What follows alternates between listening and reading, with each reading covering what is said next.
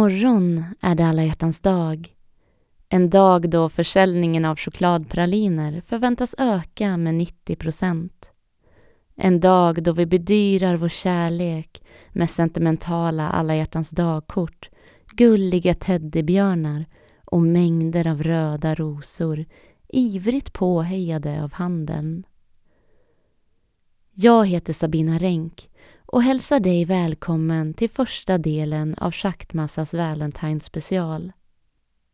Med de här två avsnitten vill vi påminna om att kärleken kanske inte alltid är så okomplicerad att den låter sig kokas ner till några förtryckta rader på ett kort. Att den inte alltid är så där rosenskimrande. Att den ibland är nattsvart. Idag lyssnar vi på Katrin Björn där hon läser Kamil, mitt hjärta. En berättelse om en alla hjärtans dag-uppvaktning som går snäppet för långt. Berättelsen är skriven av Göran Söderberg. Klinik Lac Lemande, Dr. Philippe Ganauds privata kontor. Doktor Philippe Ganot satt på sitt kontor då han hörde en försynt knackning på dörren. Stig in! ropade han med en röst som var precis tillräckligt hög för att nå igenom dörren. Dörren öppnades långsamt och försiktigt, fullt i paritet med den blyga knackningen. En kvinna blev synlig i dörröppningen. Hon var smal med håret uppsamlat i en stram knut. Hon var klädd i en enkel mörkblå dräkt och bar ett smakfullt pärlhalsband runt halsen. Doktorn tänkte att kvinnan med åren lärt sig att hon inte behövde överdriva sin makeup eller klädsel för att göra en slående entré. Hennes höga kindknotor och klarblå blick fick doktor Ganot för ett ögonblick fundera på när han senast sett en så vacker kvinna. Mitt namn är Camille Deland, sa kvinnan utan att le. Doktor Ganot lade märke till att hon bar på en enkel strandväska i sandfärgat tyg. Doktorn gestikulerade mot en tom stol på andra sidan bordet. Slå er ner, mademoiselle Deland.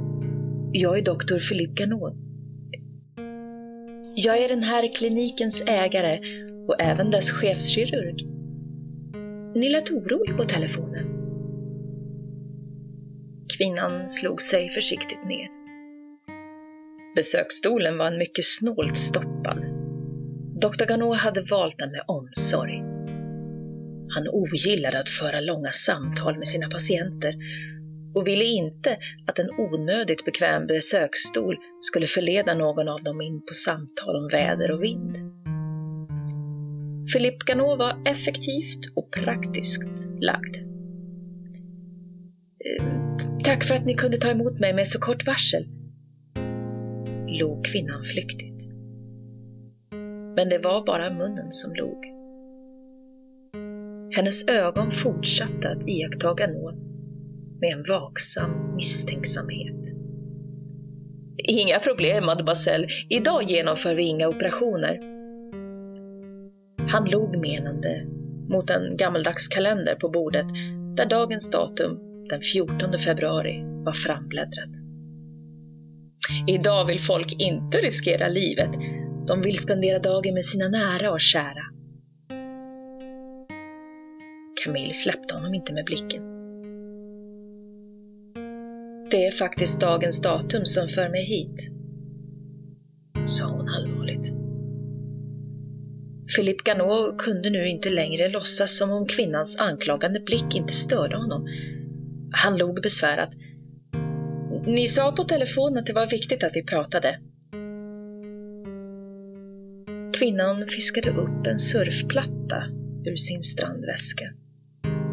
Drog ett grafiskt mönster över skärmen och placerade den på bordet mellan dem.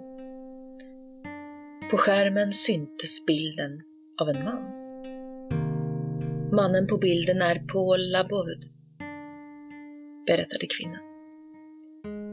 Vi möttes på en kontakttjänst på internet för fem år sedan och inledde ett stormigt förhållande. Doktorn såg ner på skärmen. Mannen på bilden såg bra ut och var propert klädd i italiensk kostym. Dr. Ganot kunde avgöra en härkomsten på en skräddarsydd kostym bara genom en blick på slagen. Mannen var snygg och välklädd.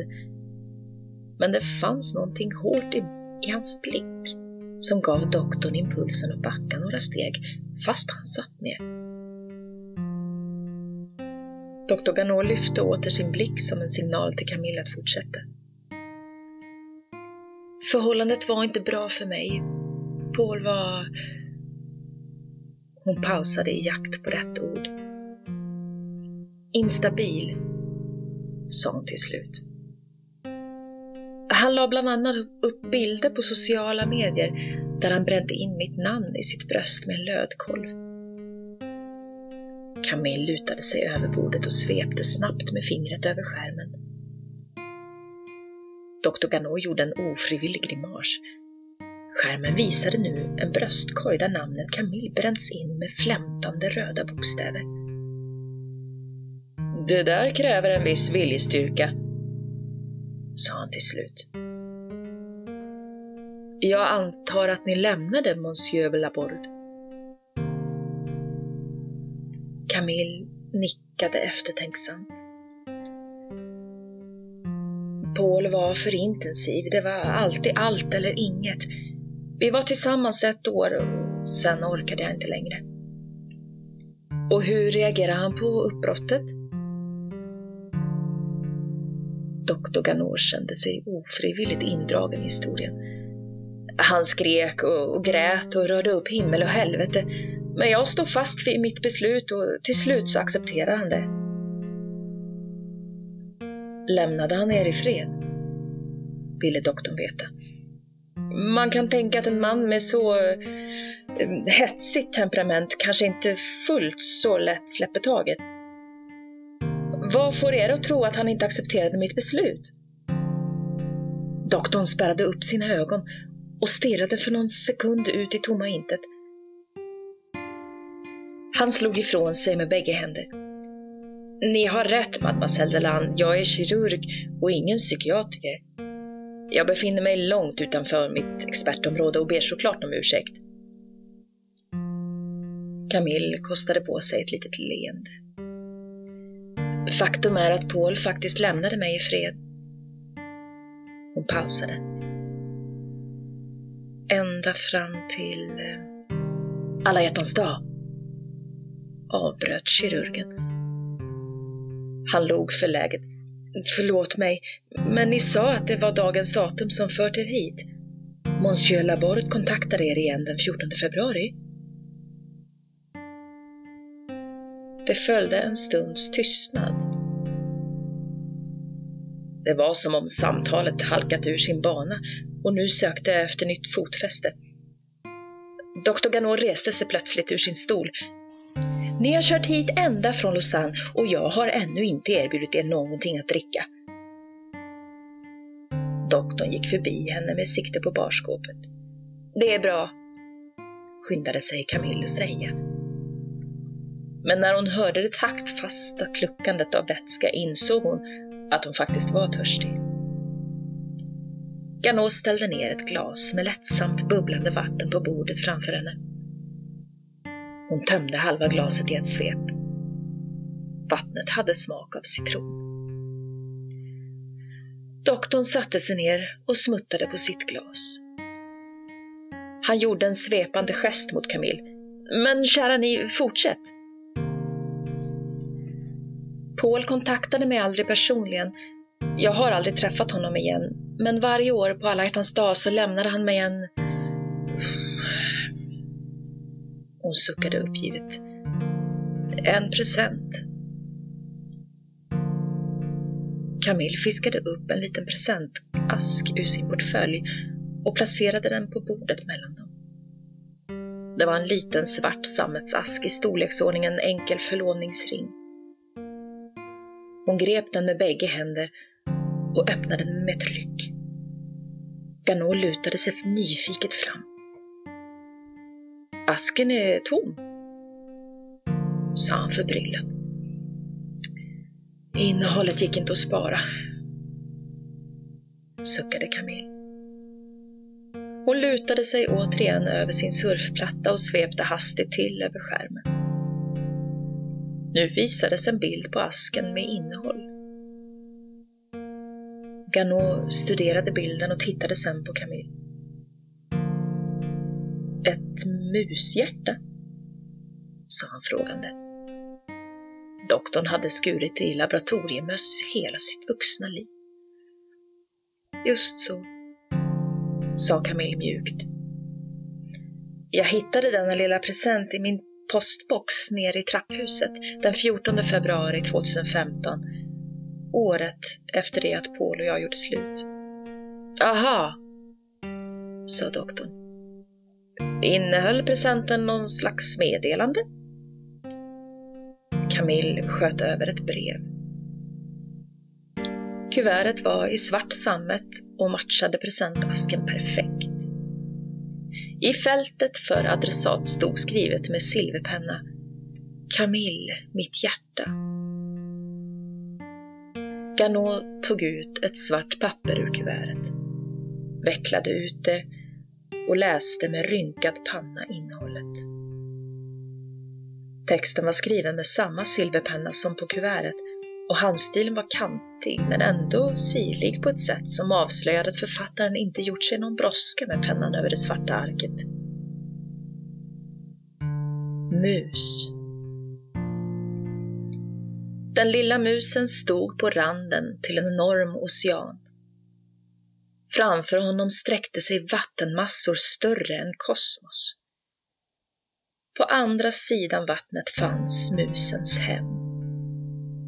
Den lilla musen hade bara ett litet mushjärta. Men det lilla hjärtat rymde hela oceaner av längtan och saknad. De oceanerna var tusen gånger större än den som nu låg framför honom. Det kom en människa gående på stranden och den frågade den lilla musen hur det var fatt och varför musen grät. Musen berättade att en saknad lika stor som tusen oceaner faktiskt kunde rymmas i ett litet mushjärta. Människan tog upp sin kniv och gick med bestämda steg ibland träden. Hon var nog borta i gott och väl en timme. När hon till slut återkom hade hon tält en barkbåt till musen. Det var ingen dålig skuta. Den hade dubbla master med segel av björknäver. Längst bak fanns en liten kajuta med ett matförråd. På båtens för hade människan ristat in båtens namn. SS Längtan. Människan satte sig på huk och satte ner barkbåten bland de försiktigt guppande vågorna. Musen slank med kvicka steg ombord. Sedan stod de där i ett långt farväl medan frånlandsvinden sakta förde ut den lilla varelsen på havet. Vid horisonten var himlen ilsket blygrå. Både musen och människan visste att musens chans att korsa oceanen var obefintlig. Men så här är det. Har man en ocean av längtan i sitt lilla mushjärta så är det ingen konstig sak att försöka korsa rasande vattenmassor. Att bara stå på stranden och sakta förtvina är tusen gånger så smärtsamt.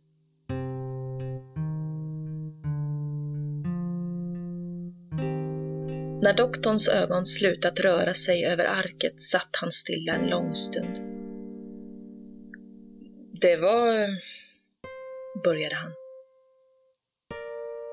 Det var inte riktigt som ni hade föreställt er.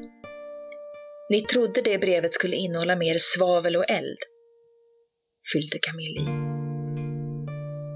Han beskriver sin längtan efter er. Paul var en mycket speciell människa. En del av mig saknar honom varje dag. Chefskirurgen nickade. Hjärtat är en besynnerlig muskel. Han gav henne en lång blick. Var detta det enda brev ni mottog? Camille log. Hon böjde sig ner och tog upp en liknande presentbox. Denna var i vitt och guld och storleken större. Den här gav han mig 2016, fortfarande på samma datum. Dr. Ganot öppnade själv boxen. Även denna box var tom. Doktorn svepte skärmen åt vänster och studerade bilden på den vita asken med innehåll. Ett harhjärta? frågade han. Ett katthjärta, rättade Camille. Ah, log han förläget. Jag är ingen veterinär. Camille sköt ett större kuvert över bordet. Självfallet matchade både kuvertet, brevpappret och pennan presentboxens färger. Katt Katten låg i ett plaströr.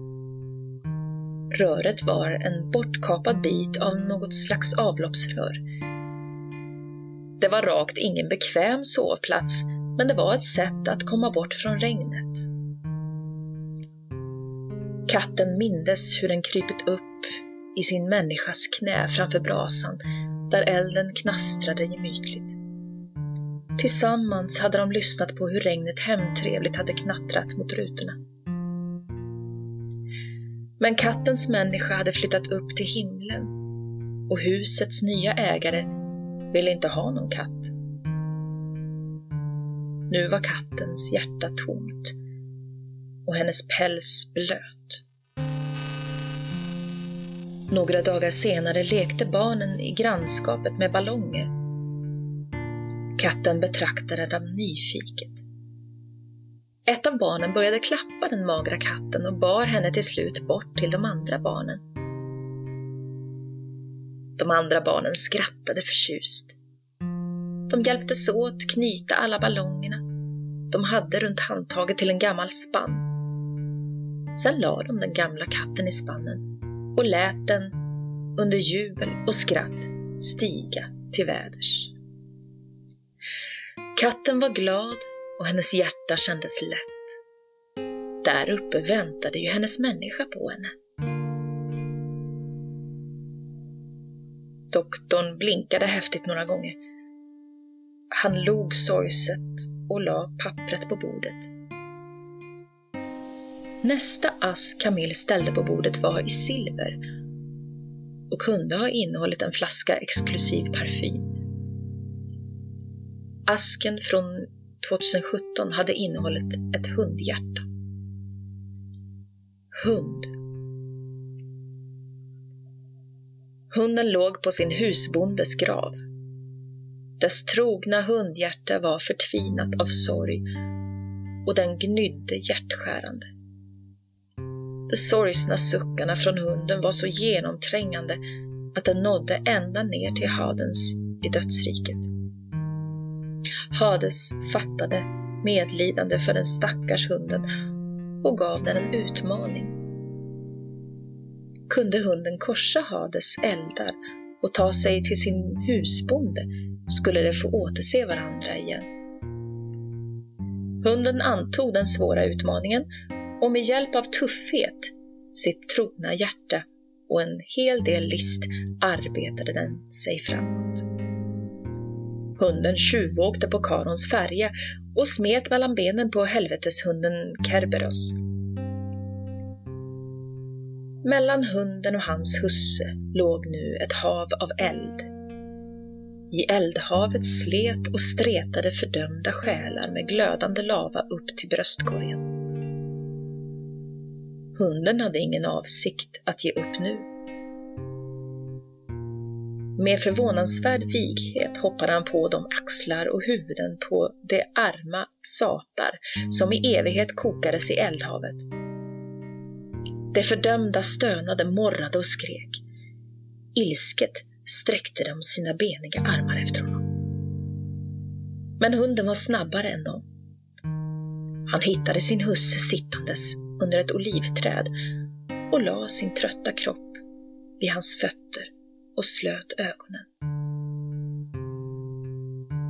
Nästa morgon hittade dödgrävaren hunden ihjälsvulten ovanpå sin husses grav. Den såg nöjd ut.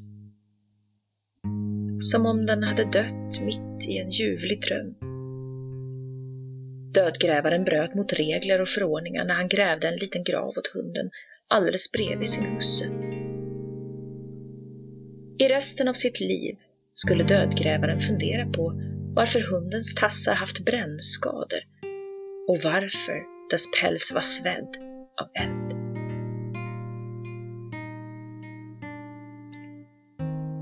Doktor Ganot var mer berörd av de svå berättelserna än han kanske ville medge.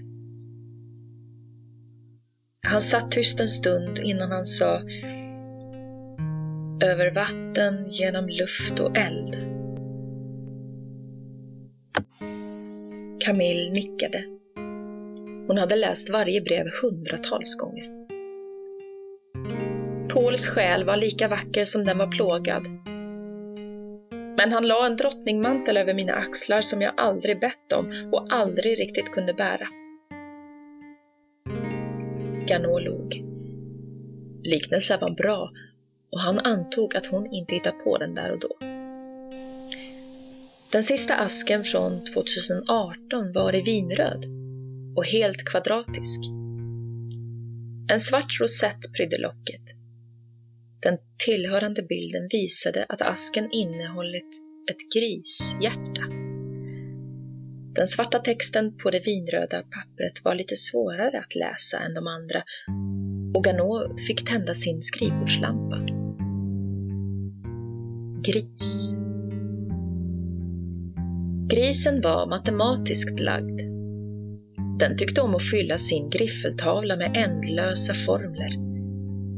Den gillade att beräkna universums krökning och hur man skulle kunna förbättra ozonlagrets motståndskraft. Den gjorde också medicinska uträkningar. Den räknade ut mixturer mellan olika substrakt och kunde utvinnas ur regnskogens växter. Den experimenterade ihop cancermediciner mångdubbelt så effektiva som strålbehandling. Den blåste med sin krita och sin griffeltavla till anfall mot influensa, malaria, ebola och andra farsoter som plågade planeten. Grisen gick ut i världen för att dela med sig av sina upptäckter. Grisen hade ett gott hjärta och ville alla väl. Den träffade en människa och nöffade försynt för att påkalla hans uppmärksamhet. Människan hakade loss en yxa ur sitt bälte och slog den i huvudet på grisen. Den kvällen festade mannen och hans familj på grisfötter och revbensspjäll. Hoppsan, sa Ganot. Sen satt han tyst en lång stund innan han åter blickade upp mot kvinnan på andra sidan bordet en remarkabel man, sa han till slut. Det var han, sa Camille. Men han arbetade sig uppåt i storlek och intelligens. Frågan var alltid vad för hjärta nästa presentbox skulle innehålla. Dr. Ganot nickade allvarsamt. Jag förstår vad ni menar, mademoiselle Delan. Tanken slog mig också. Hörde ni av er till polisen? Självfallet, suckade Camille. Men de kan inte ingripa förrän ett faktiskt brott har begåtts. Jag frågade dem självklart om de tänkte låta honom hålla på tills jag får en ask med ett människohjärta. Men på denna fråga fick jag inget svar utan blev bryskt avvisad. Er postbox, eh, hur lyckades han varje år ge er ett nytt paket? Doktor Ganot kände sig mot sin vilja som någon slags kriminalkommissarie. Ingen bor längst ner i trapphuset där postboxarna finns och boxens lås är tämligen enkelt. Paul är målmedveten. Enkla saker som lås hindrar honom inte. Camille drack upp resten av mineralvattnet innan hon fortsatte. Så idag den 14 februari 2020 fick jag inget hjärta. Jag fick inte ens en box utan bara detta kuvert. Hon skiftade läge på stolen. Den var fasansfullt obekväm och höll på att ge henne en ofrivillig ryggmärgsbedövning. Hon drog upp det sista innehållet ur sin strandväska. Ett exklusivt kuvert i vitt och guld. Med guldpenna stod skrivet Camille, mitt hjärta. Vad innehöll det? frågade doktor Ganon. Camille blängde på honom. När ni erbjöd mig vattnet sa ni att jag kört ända från Lausanne. Hon pausade för effekt. Men jag berättade aldrig under vårt telefonsamtal var jag kom ifrån. Bara att jag har en timmes bilväg till kliniken. Ah, ni har huvudet på skaft, mademoiselle. Berätta nu vad kuvertet innehöll. Doktorns röst hade plötsligt tappat all värme. En patientjournal, svarade Camille torrt. En patientjournal från denna klinik. Vems journal? Camille gav doktorn på andra sidan bordet en lång isande blick. Min journal,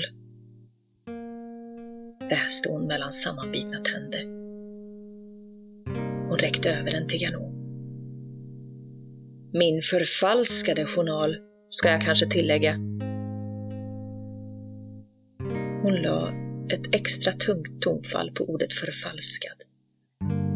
Här står att vi haft ett antal möten med tillhörande undersökningar. Här står att jag har ett arytmiskt hjärta. Alla journaler är undertecknade av er, Dr. Ganot. Men ingenting av detta är sant. Jag har aldrig förut varit här och detta är första gången vi träffas.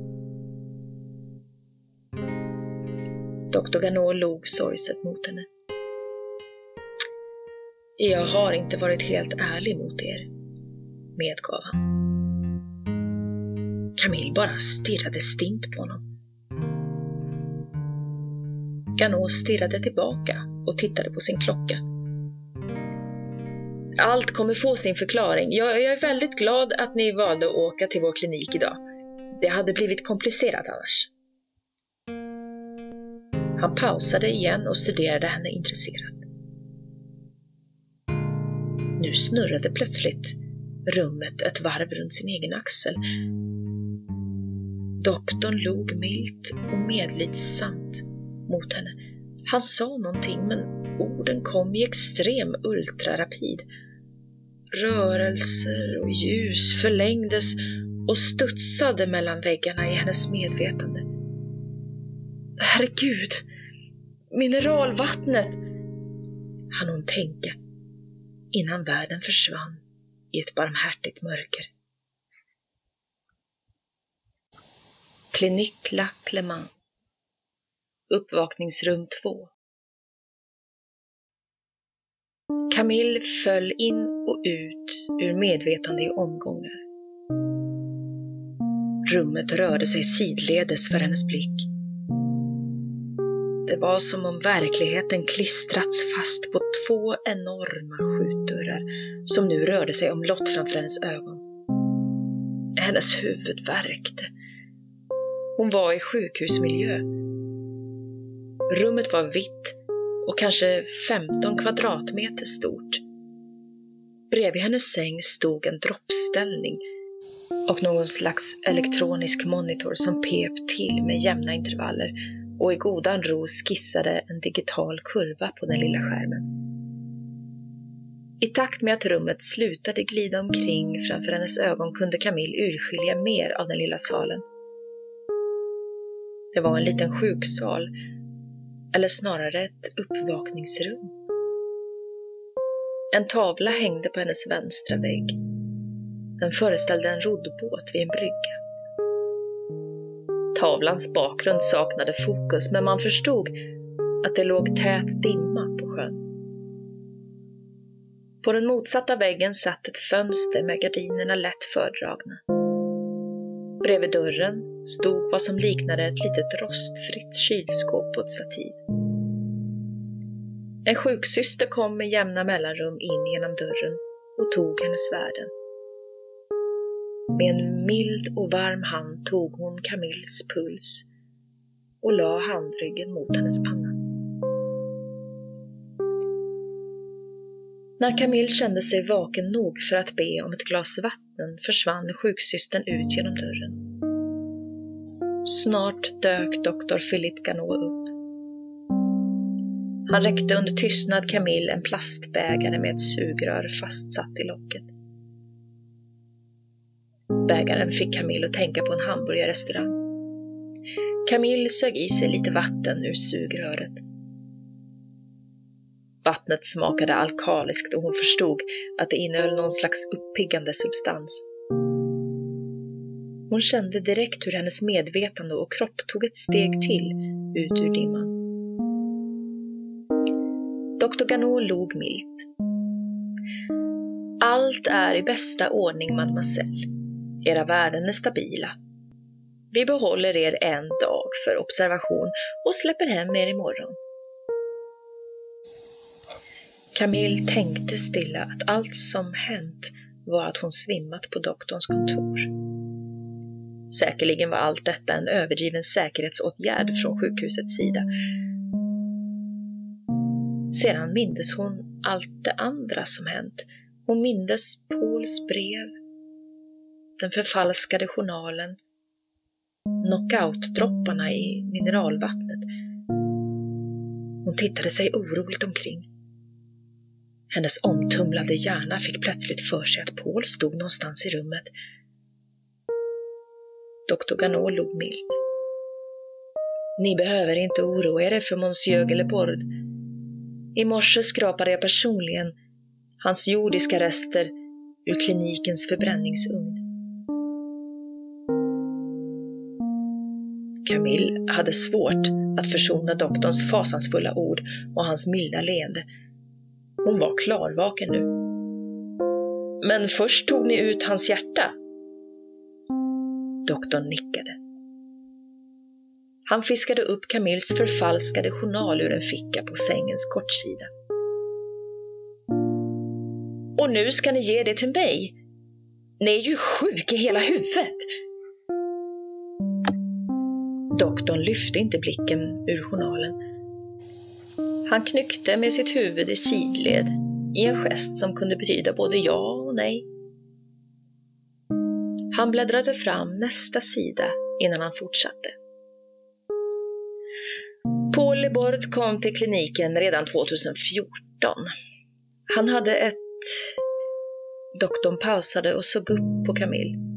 Ett säreget förslag han ville att... började Camille. Ganot gav henne en skarp blick och höjde sitt finger. Han var märkbart irriterad över att inte få tala till punkt. Han väntade några sekunder innan han fortsatte. Som jag förstod det var Monsieur Lebord aktiemäklare och tjänade gott om pengar. De pengar han erbjöd kliniken var dock långt ifrån tillräckliga för att vi skulle bifalla hans önskan. Nu pausade doktorn och lämnade plats för replik. Han ville att ni skulle avlägsna hans hjärta och ge det till mig, viskade Camille.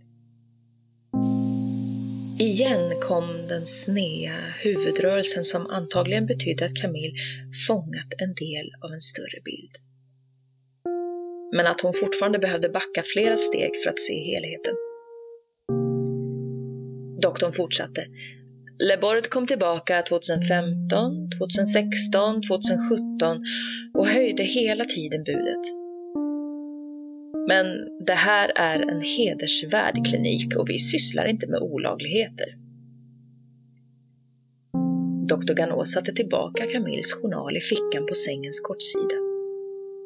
Så kom Monsieur Laborde förra året innan jul och fördubblade sitt erbjudande från 2017. Doktorn lät sina ögon snurra ett varv i skallen innan han utbrast. Oh la la! Han slog ut med händerna i en ursäktande gest. Nu kunde vi inte längre tacka nej. Vi har delägare att tänka på och en maskinpark som behöver uppdateras. Så ni tog ut hans hjärta? viskade Camille igen. Det gjorde vi, sa doktor Ganot. Han vände sig om och gick bort till det underliga kylskåpet i hörnet bredvid dörren. Han öppnade kylskåpet och plockade fram vad som såg ut som en röd kylväska. Kylväskan bar det röda kantiga korset mot en vit cirkel. Orden ”mänskligt organ” stod skrivet på flertalet språk på väskans långsida. Camille kved när doktor Ganot satte ner den röda kylväskan i hennes knä. Den kändes kall genom täcket. Om han trodde att hon frivilligt skulle öppna den och titta på innehållet misstog han sig. Ta bort den! skrek hon. Jag förstår. Ni har gett mig Pauls hjärta. Leken är slut nu. Doktorn gav henne en lätt road min. Ingenting har ni förstått, mademoiselle Deland. Han gick fram till sängen och ryckte undan locket. Camille förstod att diskussionen inte skulle fortsätta innan hon tittade ner i kylboxen. Hon sänkte långsamt sin blick. Där låg mycket riktigt ett hjärta på en bädd av is. Och Camille blundade. Hon sköt väskan ifrån sig och kände en skärande smärta i bröstkorgen. Ta det lugnt, mademoiselle, förmanade kirurgen. Jag har sett hans hjärta. Kan jag få åka hem nu? Nu stirrade kirurgen argt på henne. Som om han var besviken på att han måste hamra hem sin poäng. Mademoiselle Deland, hjärtat i kylväskan tillhörde aldrig Paul Lebord. Hon gav honom en oförstående blick. Som om hon var vilse i en liten eka på en dimmig sjö och hade tappat all kontakt med land. Doktor Ganot suckade djupt innan han fortsatte. Fram till igår tillhörde hjärtat er. Camille lät doktorns ord sjunka in. I hennes bröst slog hjärtat dubbla slag. Det var som om det slog glädjevolter över att en mycket gammal dröm nu äntligen gått i uppfyllelse.